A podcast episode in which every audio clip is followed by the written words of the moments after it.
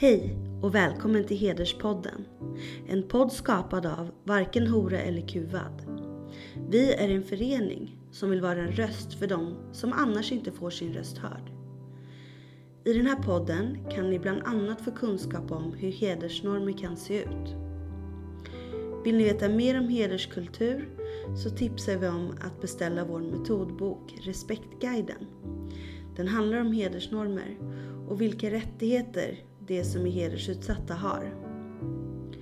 Ni kan också läsa Varken Hora eller Kuvads rapporter 11 och 1200 som kartlägger hedersförtryck i socioekonomiskt utsatta områden i Stockholm och Göteborg. Vi har också en tidning, Förortsfeministen, där vi skriver om hedersnormer och mycket annat. För att ta del av det jag precis nämnt så kan ni besöka våra sociala medier eller vår hemsida www.vhek.se. E. Där kan ni även hitta tidigare avsnitt av Hederspodden. Tack för att ni lyssnar och för att ni stöttar vårt arbete. Hej och eh, varmt välkomna till ett nytt avsnitt av Hederspodden. Jag heter Amine Kakabave och eh, idag eh, har vi fått äran att eh, gästa en viktig person, en tonåring, Alina, som är hbtq-person och tyvärr utsatt för hedersförtryck. Och vi kommer att eh, lyssna på Alinas berättelse. Va, hur är det att vara hedersutsatt men också dubbel eller trippel utsatthet för att man är också hbt-person från hederskulturen. Eh, så som vi vet att, att vara hbtq-person är inte alltid lätt. Eh, vare sig om man är i Sverige eller i ett annat land. Men är man från kulturer där hedersförtrycket och kultur och religion och tradition och, och eh, andra homofobiska eh, värderingar är starka, då är man, har man väldigt, väldigt svårt, särskilt som en ungdom. Eh, I många länder också som vi vet att hbtq-personer mördas. I irakiska Kurdistan, bara i år, i början av det här året, mördade man eh, två transtjejer eh, som, som var faktiskt, ena var journalist och eh, jobbade på en salong, men man sköt dem ihjäl. Och I Iran, och i Afghanistan, och Pakistan och många andra länder hängs de eh, och avrättas de av regimerna.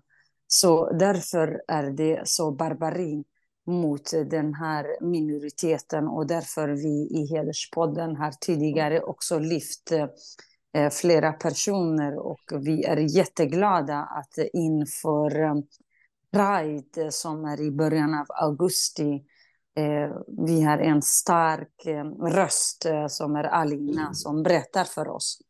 Så med den inledningen, hej och välkommen kära Alina. Varsågod och berätta, vem är du och vad är det för problematik du har mött i din familj på grund av din läggning? Hej. Det har haft sina bra, positiva sidor och så haft, har jag haft negativa sidor som alltså har drabbat mig. Alltså min problematik skulle jag säga är mycket från familjens sida och eh, alltså sociala medier. Men eh, sen har jag ju en fin vänkrets som stöttar mig. Eh, jag har många vänner runt, runt, om, runt omkring mig som själva är i samma sitt som mig.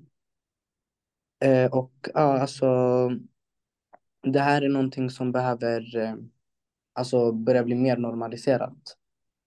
Mm för dig. Men berätta, hur var det? När upptäckte du att eh, du är fortfarande i tonåren? När upptäckte du att du, du är eh, du har en annan läggning och vad var det reaktionerna från familjens sida? Alltså, jag, eh, jag tror att familjen upptäckte att det var någonting annorlunda med mig ganska tidigt jag själv visste ju innerst inne att eh, jag inte är som de andra. som kanske, kanske i skolan, grundskolan. Eh, men jag skulle nog säga att jag, jag gjorde mitt val ganska tidigt. Eh, redan typ när jag var 13 år så valde jag att bara typ så här gå från min familj och ha kontakt med dem på avstånd. För att varför, varför skulle du inte ha kontakt med familj? Alla barn behöver sin familj. För att eh, helt enkelt, för att alltså de, de är från en kultur där det här inte är alltså, acceptabelt. Så för, för, min, för min egna skull och för, för att jag inte ska må dåligt och kunna göra min grej så var jag tvungen att göra det. Liksom. Och eh, för att jag vet att eh, de har väldigt svårt att acceptera det med tanke, med tanke på att jag är från en muslimsk familj och att jag är från en familj som har en stor krets. Alltså med mycket släktingar, mycket familj. Ja, och helt, en, helt enkelt att jag är transsexuell. Men, men vad, vad var reaktionen? De visste själva att du var eh, inte som, som andra dina syskon. Har du fler syskon förresten? Yes, det har jag. Hur, hur, hur var det? Är du yngsta eller är du i en Jag skulle säga att jag är sladdisen. Jag kom sist. Okej, okay, okej. Okay. Och vad, vad var dina syskon reaktion då när mamma och pappa eh, inte, inte tyckte om att du var annorlunda? Hur var dina syskon och släktingar och omgivningen? Eh, reaktionen från min mamma och pappa var... Det var alltså... Hur ska jag säga? De, de tror ju att det här är en fasad. Alltså de tror inte på att det här är jag på riktigt. De, jag antar ju att de hoppas och ber på att jag ska någon gång komma tillbaka helt annorlunda som gamla jag. Vilket som, vilket inte, som inte kommer hända. Eh, vad var det gamla jag till exempel för dem? vad, vad är det? Är det en bild som de har om dig? Eller du säger att de visste ju att du var, du var inte som de andra syskonen. Ja, uh, men alltså jag tror att de hoppas på att jag ska komma tillbaka som den ungen de vill att jag skulle vara. Mm. En pojke helt enkelt. Exakt. Som de är stolta över. Ja, exakt. Eh, reaktionerna från, min, från mina syskon skulle jag säga var ganska, alltså, de är inte så stöttande med tanke på att de är ganska gammalmodiga. Ehm, min bror är ju från, alltså vi, jag är från en förort. Eh, jag, eh, alltså det, där är mycket kriminalitet och där, alltså i en förort med mycket, med mycket invandrare så är, så är just en sån här sak en tabu i området. Så vad heter det, alltså min bror skulle jag säga är ganska så här, eh, han har sagt, han, han har sagt till mig typ, gör din grej, men vi som dag och natt, jag och min bror, alltså vi kommer, alltså, vi kommer inte överens alls. Så jag och min bror har ingen kontakt. Mina systrar skulle jag säga, alltså de, de, har, de, de har inte accepterat det, men de har lärt sig att respektera det. Har du kontakt med någon av dem? Med mina syskon faktiskt inte så mycket. Eh, med min storebror har jag ingen kontakt med alls. Men eh, jag vet att han önskar mig det bästa i livet och jag önskar honom det bästa i livet. Jag hoppas han lever lyckligt, alltså hela sitt liv. Sen så vet jag inte, med åren kanske, kanske de ändras. Men i mina ögon känns det, alltså, så som jag uppfattat hela situationen, är det som att hade jag kanske, hade jag kanske varit vad ska jag säga, hade jag kanske varit en rik, rik människa och varit den jag hade varit så tror jag att ändå typ så här, de hade kunnat se över lite saker. Men mycket av det jag har gått igenom är ju på grund av att jag har mått dåligt. Och det har blivit också grejer på grejer på grejer som har blivit svårt för dem att acceptera. Jag, eh, jag, eh, hade, jag hade drogproblem. Jag var, jag, var, jag rökte hela tiden. Jag tog mycket droger.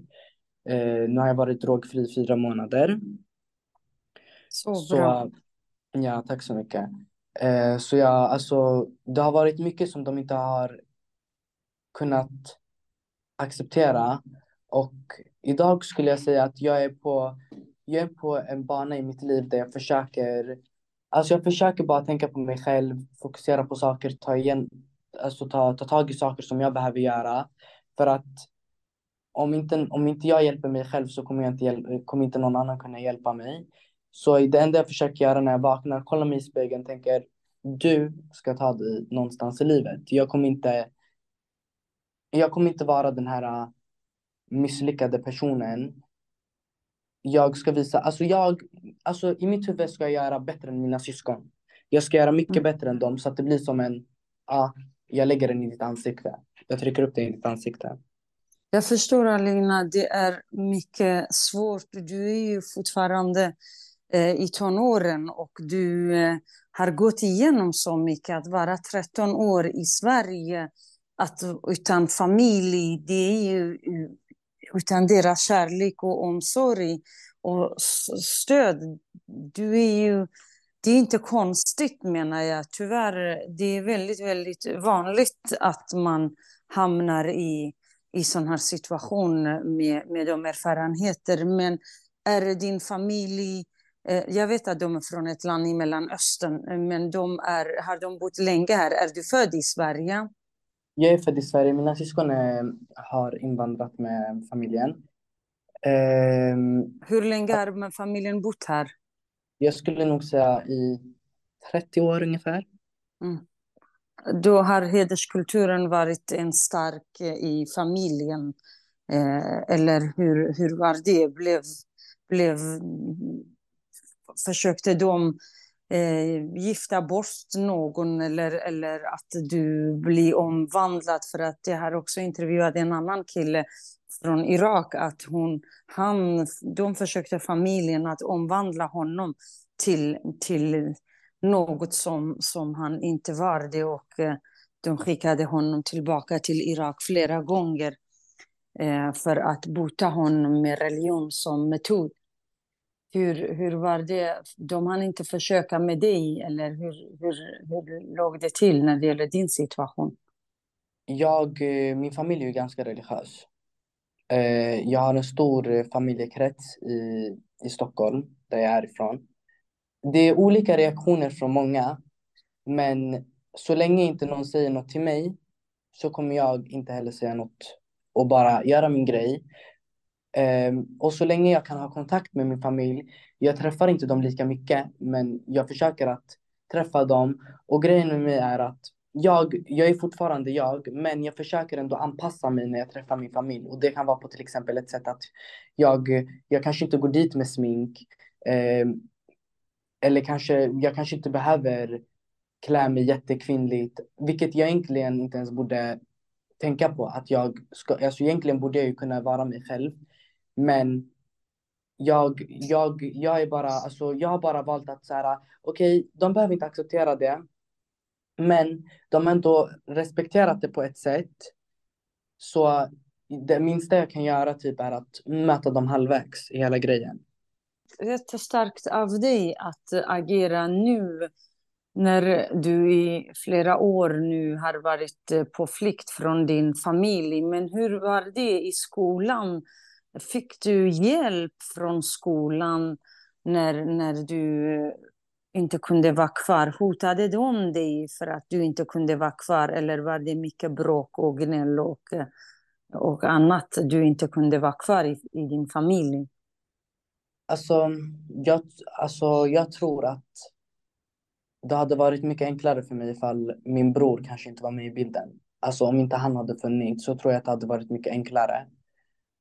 Um, men i skolan, alltså jag tog inte upp det så mycket för jag har ju varit ganska, hur ska man säga, jag har varit, jag har varit ett vuxet barn. Hela, alltså hela livet. Alltså jag, jag har blivit vuxen snabbt. Och eh, jag tog tag i mitt, alltså jag tog tag i mina grejer ganska fort. Alltså jag tänkte okej, alltså en dag så var det så här, um, det bara slutade. Alltså jag tänkte jag pallar inte mer. Så gick bara. Utan pengar, utan någonting. Och eh, ja. Va, va, Jag, var, var gick du? Var gick du? Vad hände? jag sov hos mina vänner. Och sen efter ett tag så var jag på, vad heter det, eh, efter ett tag så valde jag att, så sa mina vänner till mig, okej okay, men nu måste du ta tag i det, du måste, du måste få det stabilt.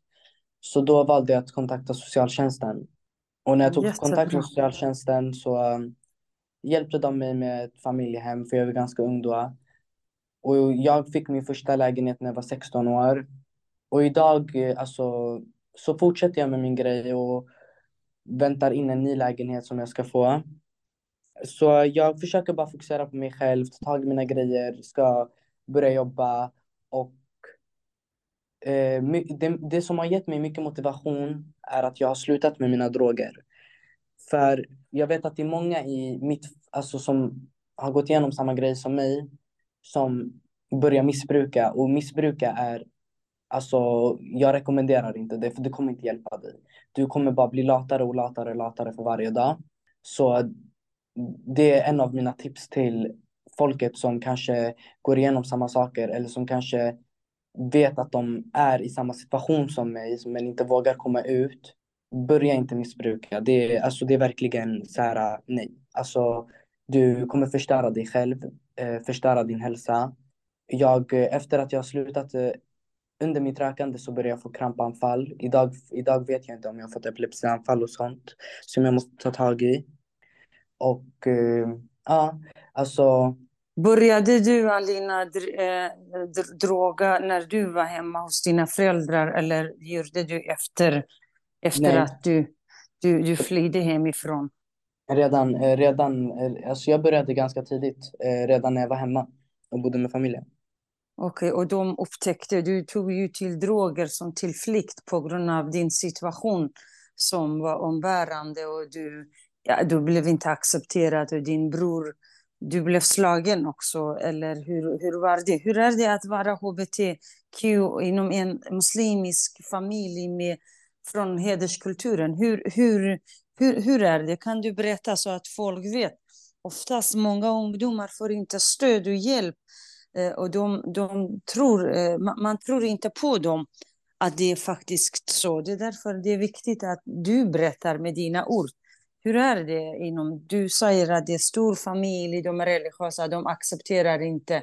Men, men vad gör de? Hotar de? Slår de? I mitt fall, och nu snackar jag från mig själv, och ja. Eh, jag vet att det finns många som har det mycket svårare än mig. Just i mitt fall så får jag, jag får inga hot, men de har däremot inte, inte, med, alltså inte ordagrant trakasserat mig, men typ sagt, ja men kom tillbaka, vi lovar att fixa dig, vi lovar att ta dig utomlands, vi åker, vi åker, till, vi åker till hemlandet, eh, vi, vi, alltså, jag lovar att du, du kommer ändra dig, det här är på grund av dina vänner, det är dina vänner som, som gör så här, att du tänker så här. De tror att det är någonting, någonting mina vänner gör. Alltså det, de tror att det här är en mm. fasad som jag sa tidigare.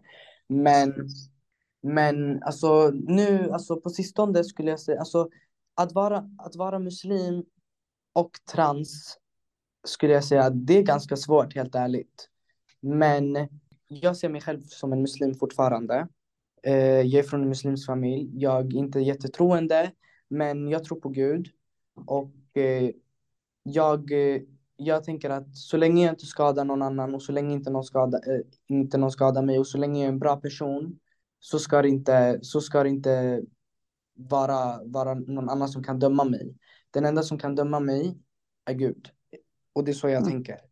Eh, och jag har sagt det här till min familj också med tanke på att de är så religiösa. Då har jag tryckt upp den här, deras ansikten. Men alltså helt ärligt, det är mitt liv. Ni kan inte ändra mig. Eh, om, ni som, om ni som muslimer ska kalla er muslimer så får ni vara muslimer korrekt. Då har de varit tysta för att alltså, egentligen så har jag ju rätt för jag skadar inte någon annan. Jag lever mitt liv och hade, hade jag hade, hade det här varit en fasad som jag försöker lära dem också, det är att varför skulle jag välja att ta, ta emot skit från sociala medier varje dag? Eh, varför skulle jag vilja att folk skulle titta på mig på ett, på ett sätt som att jag är, jag, är, jag är dum i huvudet eller typ att jag är sjuk eller någonting.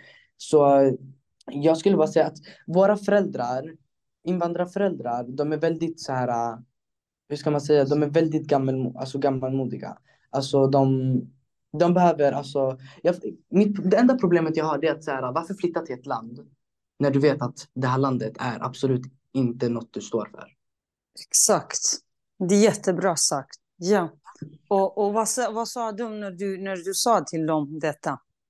Alltså de säger ju bara att, ja, alltså de säger inte så mycket. De, alltså det blir bara sån här, äh, det blir bara en stel stämning och det blir så här. Äh, jag, jag försöker att inte prata med dem om, om det här så mycket eh, och bara typ så här äh, ha kontakt med dem, kolla hur de mår. För att jag bryr mig om min familj såklart fortfarande.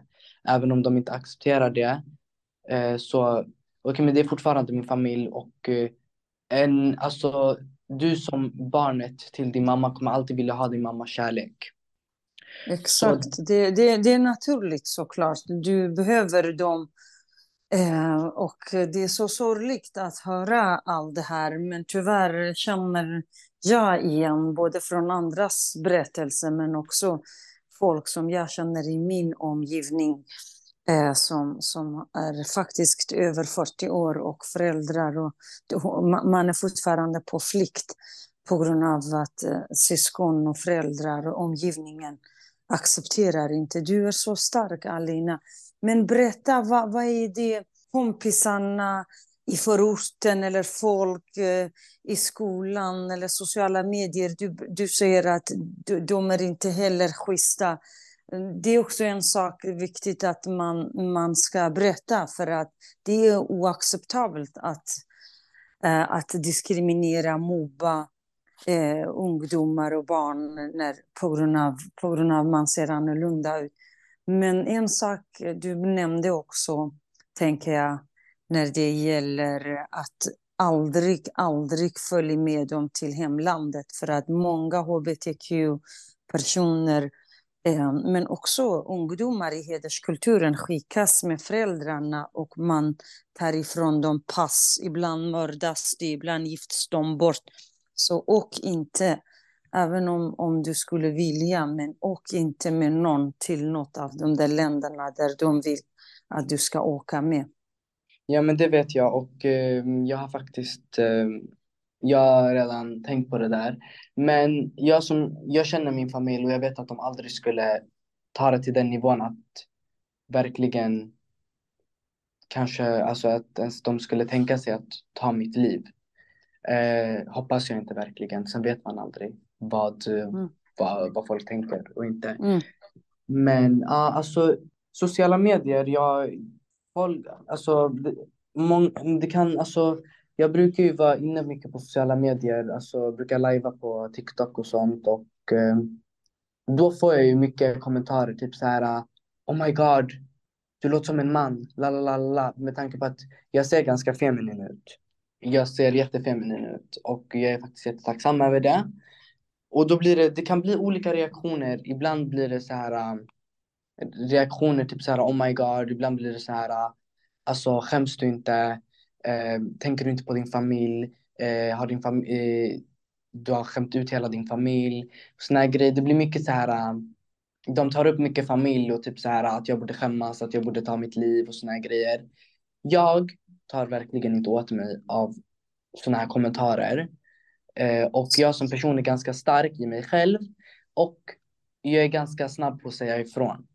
Så alltså, bra, som... så bra. Vilka är de? Är det folk som du känner eller från samma kultur eller, eller från samma jag bakgrund? Känner. Det, är inga, det är inga jag känner, men det... Men det är inte skulle... svenska barn. Det är inte barn med svensk föräldrar som säger det, men ändå det är andra som är från hederskulturen som tänker mest på familjen, eller vilka är det? Uh, alltså jag skulle säga att det är mycket invandrare jag får mycket skit av.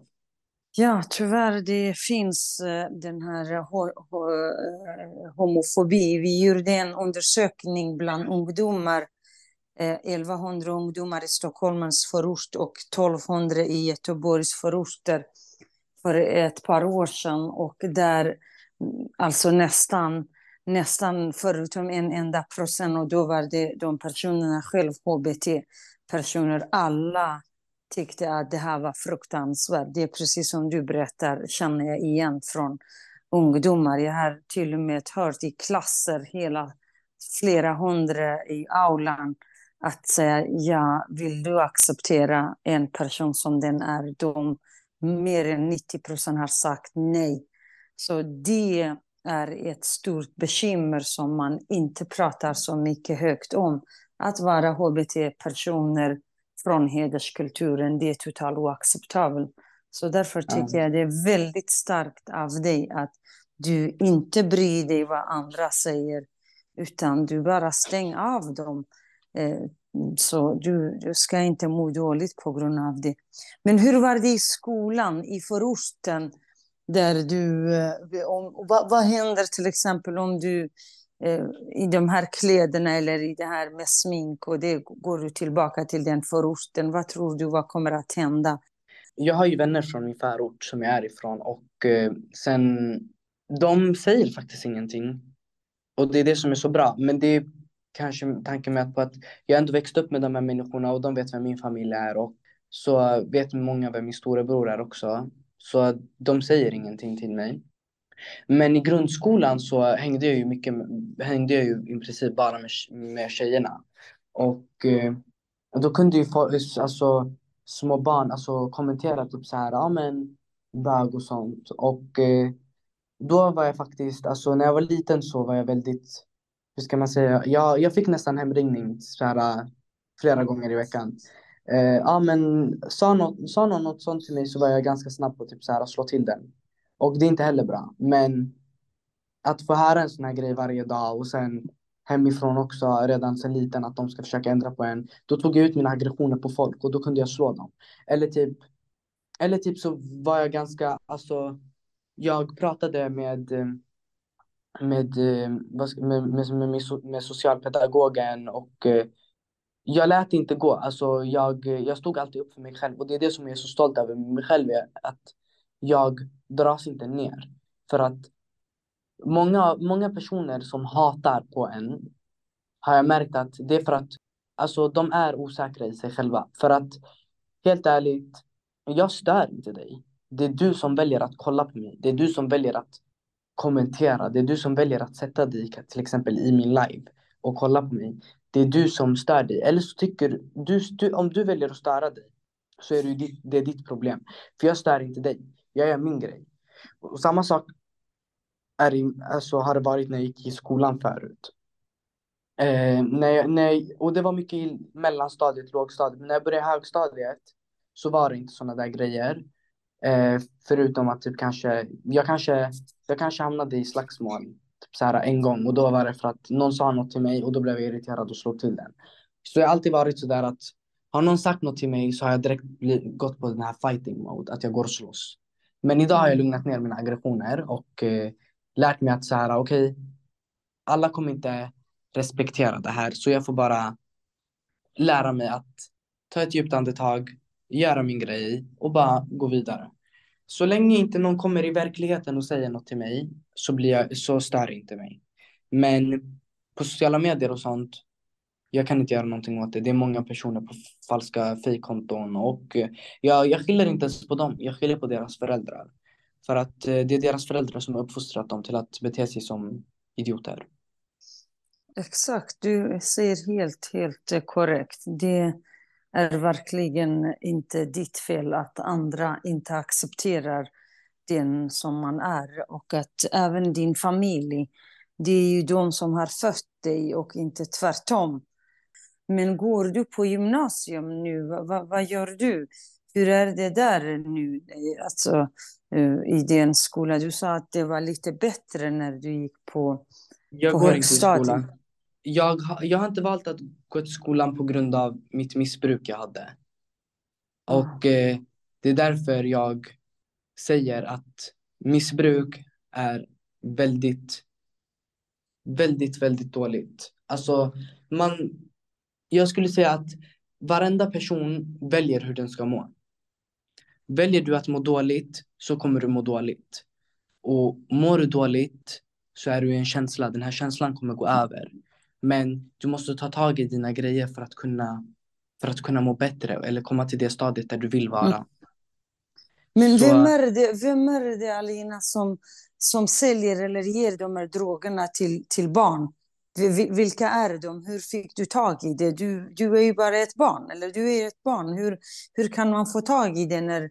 när eh, alltså, det är också bra att berätta, för att det här med kriminaliteten och att det är unga, unga invandrade barn som, som drabbas av det där med droger, att man, man kanske säljer och köper eller man, som du säger, att man mår dåligt och man som tillflykt man, man tar, tar droger. Hur skulle du eh, vilja beskriva att det här med droger, vilka är det som ger drogerna? Hur fick du dem? Uh, det får man tag på alltså, från mycket förorter. Och eh, det är också en problematik för att många invandrarföräldrar är så här, ja men gå, eh, hämta, du ska, du ska ta hand om oss och la la la la. Så helt ärligt, det är alltså mycket av det som händer är på grund av föräldrarna. Mm. Det är eh, mycket, mycket ansvar och mycket krav Exakt. från och, föräldrar. Ja, och sen alltså just i våra kulturer så är det mycket så här männen ska vara männen och männen ska ta hand om familjen och allting. Så då blir det så här ja, så länge du hämtar pengar på bordet så, är, så frågar inte föräldrarna vart det kommer ifrån. Och det är mycket förorter och tyvärr så är det folk som, det, det, det är invandrare. Och det är alltså en annan kultur, fattar du? Ja, ja, ja, där patriarkatet är så starkt att killarna, man är stolt över dem, att de skaffar pengar och de tjänar pengar. Och så länge, du har ju helt rätt i, det är inte så att föräldrar inte vet, för att barn får inte jobba i Sverige. Hur kommer de med pengarna på bordet? De vet oftast. Det har också många gånger visat eh, att många föräldrar vet om att deras barn säljer och köper och, och så vidare. Men det är hyckleri som du säger, att föräldrarna som, som ska egentligen ta hand om barnen, men de har förväntningarna på killarna att de ska mm. vara familjeförsörjare. Jag fattar mm. precis vad du menar. Och därför är det så bra att det kommer från dig, som både är barn från den kulturen, eller har varit också tyvärr drog, eh, ja, missbrukad. Men du är ju så stark och så bra som, som har kunnat nu avstå och, och, och vet om konsekvenserna. Men berätta hur, alltså jag förstår att man tvingas det, det är mycket krav på en. Men de som säljer, är det också inte, inte män med invandrarbakgrund som gör det? Eller vilka är det som, som säljer till er eller, eller försöker eh, ja, med, med de här drog, droghandeln?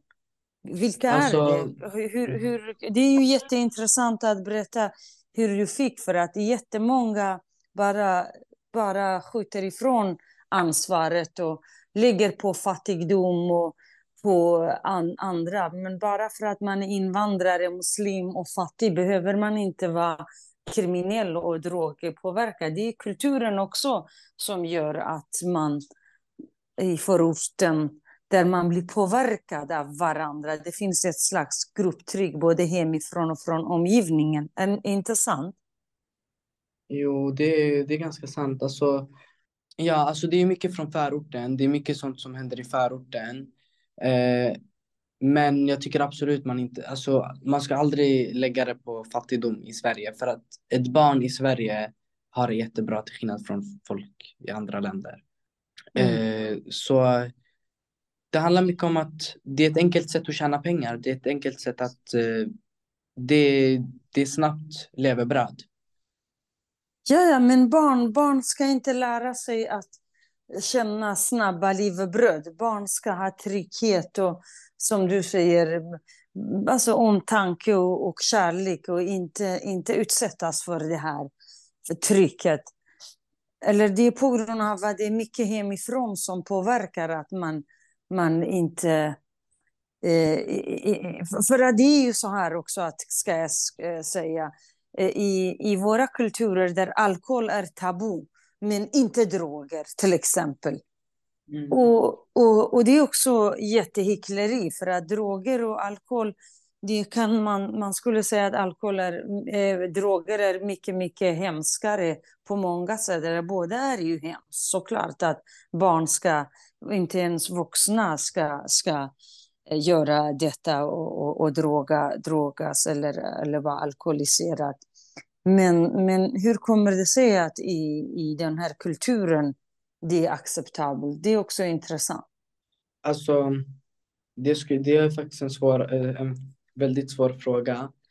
Jag tror att många, jag tror att bara föräldrarna är helt enkelt själviska och tänker bara på, på sig själva och så länge de har mat på bordet och allting så är det, så är det, så är det inget problem för dem. Alltså, sen så, de lek, jag tror att de leker, de blundar för det. Alltså de vet exakt vad barnet håller på med och vad barnet ger sig in på, men stoppar inte det.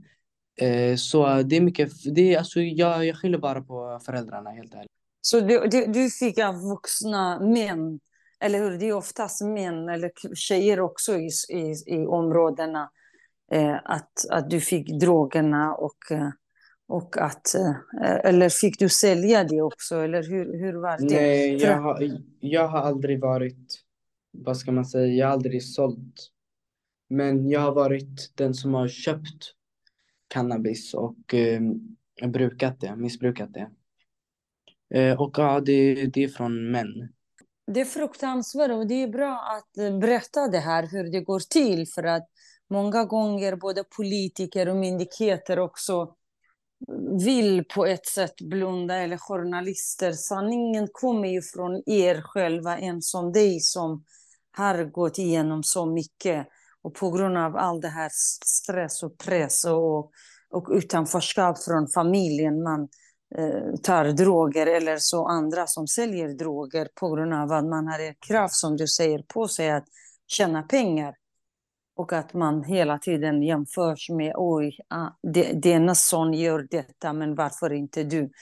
När i våra kulturer man hela tiden jämför med, med andra och hur dåligt man är och hur bra andra är. Och jag förstår att det kan knäcka väldigt, väldigt många unga och särskilt unga killar. Men, men hur, eh, hur socialtjänsten och de, de bemöter, det var det var inte i första hand på grund av att du var eh, homosexuell de reagerade, utan de reagerade mest eh, på att eh, alltså, du var utsatt i din familj, utan de reagerade på att du, du missbrukade eh, cannabis, eller? Jag är inte homosexuell, jag är transsexuell. Men, transsexuell, förlåt, ja. Uh, vad heter det? Det, det är både och. Det, min familj är ganska emot sånt. Eh, så ja, det, och sen så från socialtjänstens sida så eh, kan de inte göra så mycket förutom att stötta mig och sånt. Men jag är ganska klar med socialtjänsten. Mm. Nu är det mycket på mig själv för att ja, jag är stor nog till att klara mig själv. Och ta hand om mig själv. Och jag är på en bra bana. Eh, så mitt liv skulle jag säga är ganska klappat och klart. Men jag vet att folk går igenom det här och jag skulle, alltså, ha tålamod, ta tag i dina grejer, för du kommer komma dit någon dag. Du, du har hela ditt liv framför dig. Fokusera på mm. dig själv, gör det du mår bra utav, men skada inte dig själv. Jättebra tips och råd, men hur de ska göra det här med familjen, även du kan inte få samma kärlek och samma kontakt. Det är ju det som är och fortfarande, man är ju barn och behöver sin familj i, överallt. Det spelar ingen roll om man är från muslim, icke-muslim, i hederskulturen, i svensk kontext, svensk familj. Man behöver sina föräldrar. Och hur, hur ska alltså föräldrar som inte accepterar din bror till exempel, som, som du eh, inte ens vill att om han var i vid liv, inte vara vid liv, ditt liv skulle vara mycket lättare. Så, så det är ju också ett, det är ju jättebra menar jag på att du är drogfri, men bekymret från familjens sida, det är nog också för många. Du är ju stark nog själv att stå på det och har erfarit mycket, men de andra som, som inte vad, vad ska de göra? Hur ska man hantera sin familj som inte accepterar en? I min situation så har jag valt min familj. Jag har vänner som jag ser som min familj. Jag har, jag har många som bryr sig om mig, många som hjälper mig, många som stöttar mig, som finns där för mig om jag behöver dem. Någon, jag har vänner som jag kan prata med. Alltså jag skulle säga blod är inte tjockare än vatten. Det behöver inte vara det. Eh, mm. jag, för mig har det varit så här, det har varit svårt i början, men om du märker att det inte fungerar, kämpa inte för det jättemycket. Kämpa för dig själv. För varför ska du behöva kämpa för någon som egentligen inte ens respekterar dig? Så jag har valt att jag kommer ha kontakt med dem, men jag räknar inte med dem. Räkna inte med dem om de inte stöttar dig. Gör din grej själv. Ta tag i dig själv. För ditt eget bästa. För att komma någonstans i livet. Det är det enda jag kan säga för att jag har valt att acceptera att det, det, kommer, inte, det kommer bara inte funka. Så mm. antingen kommer det komma någon dag där de säger bara ah, okej, okay, tar emot mig med öppna armar. Men det skulle vara typ eh, någonting som jag skulle drömma om skulle hända. Men vad heter det? Ja, alltså jag har bara lärt mig att acceptera att var, var med folk som bryr sig om dig. Och fokusera på dig själv, var stark. För om du inte är stark så kommer det inte gå. Du måste vara stark, mm. särskilt när du är drabbad. Du är, du, du, alltså, och särskilt till de som bor i förorten eller är från förorten. För du är både i ett utsatt område och du är i ett utanförskap. Mm. På, på vilket sätt är man i, i utsatt, uh, utsatt läge i förorten till exempel? För i förorter brukar det vara mycket, mycket knas, mycket kriminalitet och sånt. Och där i, i en kriminell värld så är hbtq eh, och eller LGBTQ och hela den communityn absolut inte accepterad. Det är inte okej. Okay. Det är en tabu. Tror du att det hänger med kriminalitet, hänger med hederskulturen? Exakt, för att man har blivit uppfostrad på samma sätt skulle jag säga. Och att mm. det har bara, alltså man måste bara lära sig att ta dig dit du vill vara i livet. Vill du, vill du att vill du, vara, vill du vara på den banan där du mår dåligt, då kommer du vara det. Men det kommer inte hjälpa. Så ta tag i dig själv. Var med folk som är bra för dig. Och var med folk som är som dig. Det behöver inte vara samma läggning. Det behöver inte vara att de är i en community som dig. Men som på riktigt med hela sitt hjärta respekterar dig. Och accepterar dina val. Och kommer vara med dig hela livet ut. Jättebra Alina. Väldigt bra tips och råd. Vad tycker du att samhället och politikerna göra för att det här med förorten och gängkriminalitet och droger och att man inte respekterar eh, till exempel personer som dig och, och andra och, och familjer som tvingar sina barn till, till tvångsäktenskap, till att åka hem till sina hemländer. Va, vad ska politikerna göra? För att det finns lagar som som inte tillåter det, men ändå det sker. Vad tycker mm. du att man inte gör som man borde göra? Från både skolan, polis, socialtjänst, politiker och så vidare.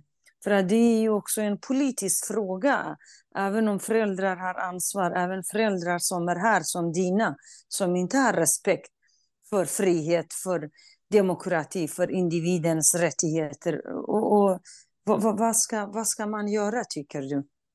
Um, oj, det där var en väldigt svår mm. fråga. Jag skulle alltså...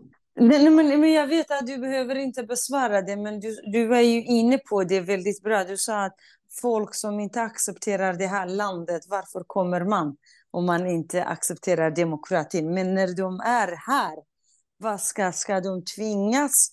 Ska de eh, Alltså jag menar, det finns ju många lagar som förbjuder barnäktenskap, förbjuder att man ska slå barn. I Sverige sedan över 45 år tillbaka har det varit förbjudet att, att slå, slå barn till exempel.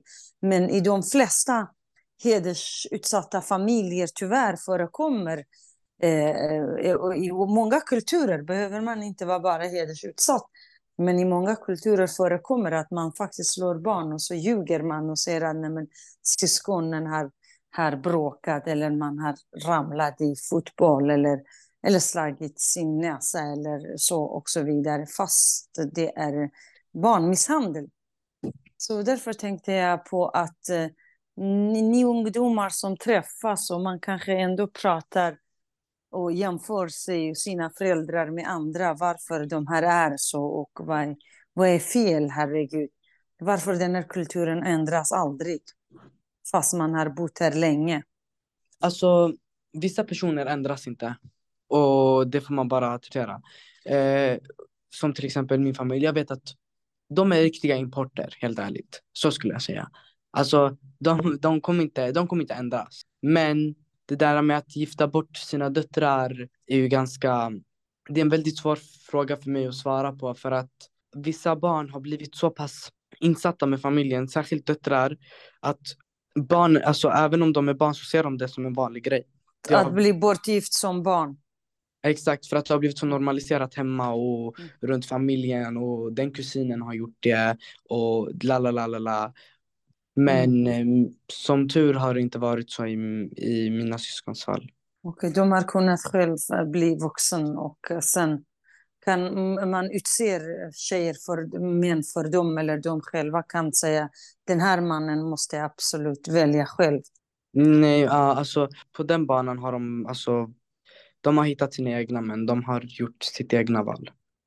Eh, men du är ju jättestark och det är som om att man pratar verkligen med en vuxen person med så många, många år livserfarenhet och att på ett sätt det är väldigt bra och starkt, på annat sätt det är också sorgligt att du ska ha behövt gå igenom så mycket och att du måste själv kunna ta tag i allt själv. Eh, mm. Det hoppas jag verkligen flera andra ungdomar lyssnar på det här och tar del av att dina råd och, och hur är det att eh, det här med förorten, krimin, gängkriminalitet, utsatthet, föräldrarna, kulturen, religionen. Du verkar ju ha alla olika liksom, erfarenheter av, av det här som egentligen man skulle inte ha behov, behövt att att erfara bara på grund av att man har ett eh, annan läggning eller, eller eh, en annan läggning eller på grund av att man är, eh, man är från en viss förort eller en viss kultur. Precis. Eh, jag är verkligen jättetacksam för att eh, du finns och du hoppas också att på det bästa i din framtida liv och arbete och allt som du gör och var mycket, mycket rädd om dig. Så jag tänkte om du vill säga avslutande ord, eh, har något som du skulle gärna berätta innan vi avslutar så får du gärna göra det. Um, innan vi avslutar skulle jag vilja säga till um, folket där ute som lyssnar på det här. Gör din grej, kör ditt race. Du, du är stark, du är modig, du klarar det. Och eh, ta hjälpen du kan få. Ta tag i dina saker. För det, det är det enda som kommer gynna dig. Särskilt när du är som du är. Och är lite och skolan, skolan till exempel till personal och annat som kommer i kontakt med, med hedersutsatta, med transunga som dig eller, eller homosexuella. Vad har du för råd som du skulle, du har inte själv fått, du skulle vilja ge råd? Eh, de som till exempel droga, droga så att fast man vet både familjen och omgivningen men ingen bryr sig tills de hamnar i, ja, djupt i det här fruktansvärda. Vad, vad har du för råd som, som själv har erfarit? Jag skulle säga att ta dem mer seriöst. Gör, lyssna på eleven, lyssna på det här barnet. Eh, om den behöver prata. Vissa saker tycker jag också att eh, man ska kunna, man behöver inte, alltså det kan vara vissa grejer man bara ska kunna prata med den här pers den här vuxna personen om utan att det ska direkt komma till familjen för det kan skada dig, det kan skada barnet. Det kan skada den här människan. Eh, ta, ta det här barnet seriöst, kolla vad du kan göra. Gör inte för hastiga beslut för det här, är, det här kan handla om liv och död. Mm, du menar på att om, eh, om, om föräldrarna vet om att eh, något sker, det kan handla om liv och död, eller på vilket sätt skulle du vilja utveckla? Alltså, jag tror att många barn är rädda att säga till sina, sina lärare eller sina socialpedagoger i skolan eller kuratorn att eh, de känner som de känner för att de tänker att det kommer, det kommer bli någonting direkt. För att min familj var alltid så här eh, eh, om SOS tar dig, du kommer inte kunna, du kommer, du kommer behöva lägga dig klockan åtta, de kommer behandla dig si, de kommer behandla dig så, så jag var alltid rädd för det. Men sen till slut så tänkte jag okej okay, men nu, nu, nu fuck it, jag gör min grej. Så du menar på att eh, föräldrar skrämmer bort barnen och eh, därför barn vågar inte på grund av sina föräldrar anmäla brott från Exakt. familjen? Exakt. Tusen tack verkligen. Tack för att du delar med dina erfarenheter och tack för att du kämpar. Eh, helt fantastiskt att du verkligen kunde ställa upp och att du delar med dina erfarenheter. Tusen tack för din medverkan, kära Alina. Önskar verkligen insyn all lycka med allt du gör i ditt liv. Tack själv. Tack, så jättemycket. Ha det så jättefin sommar.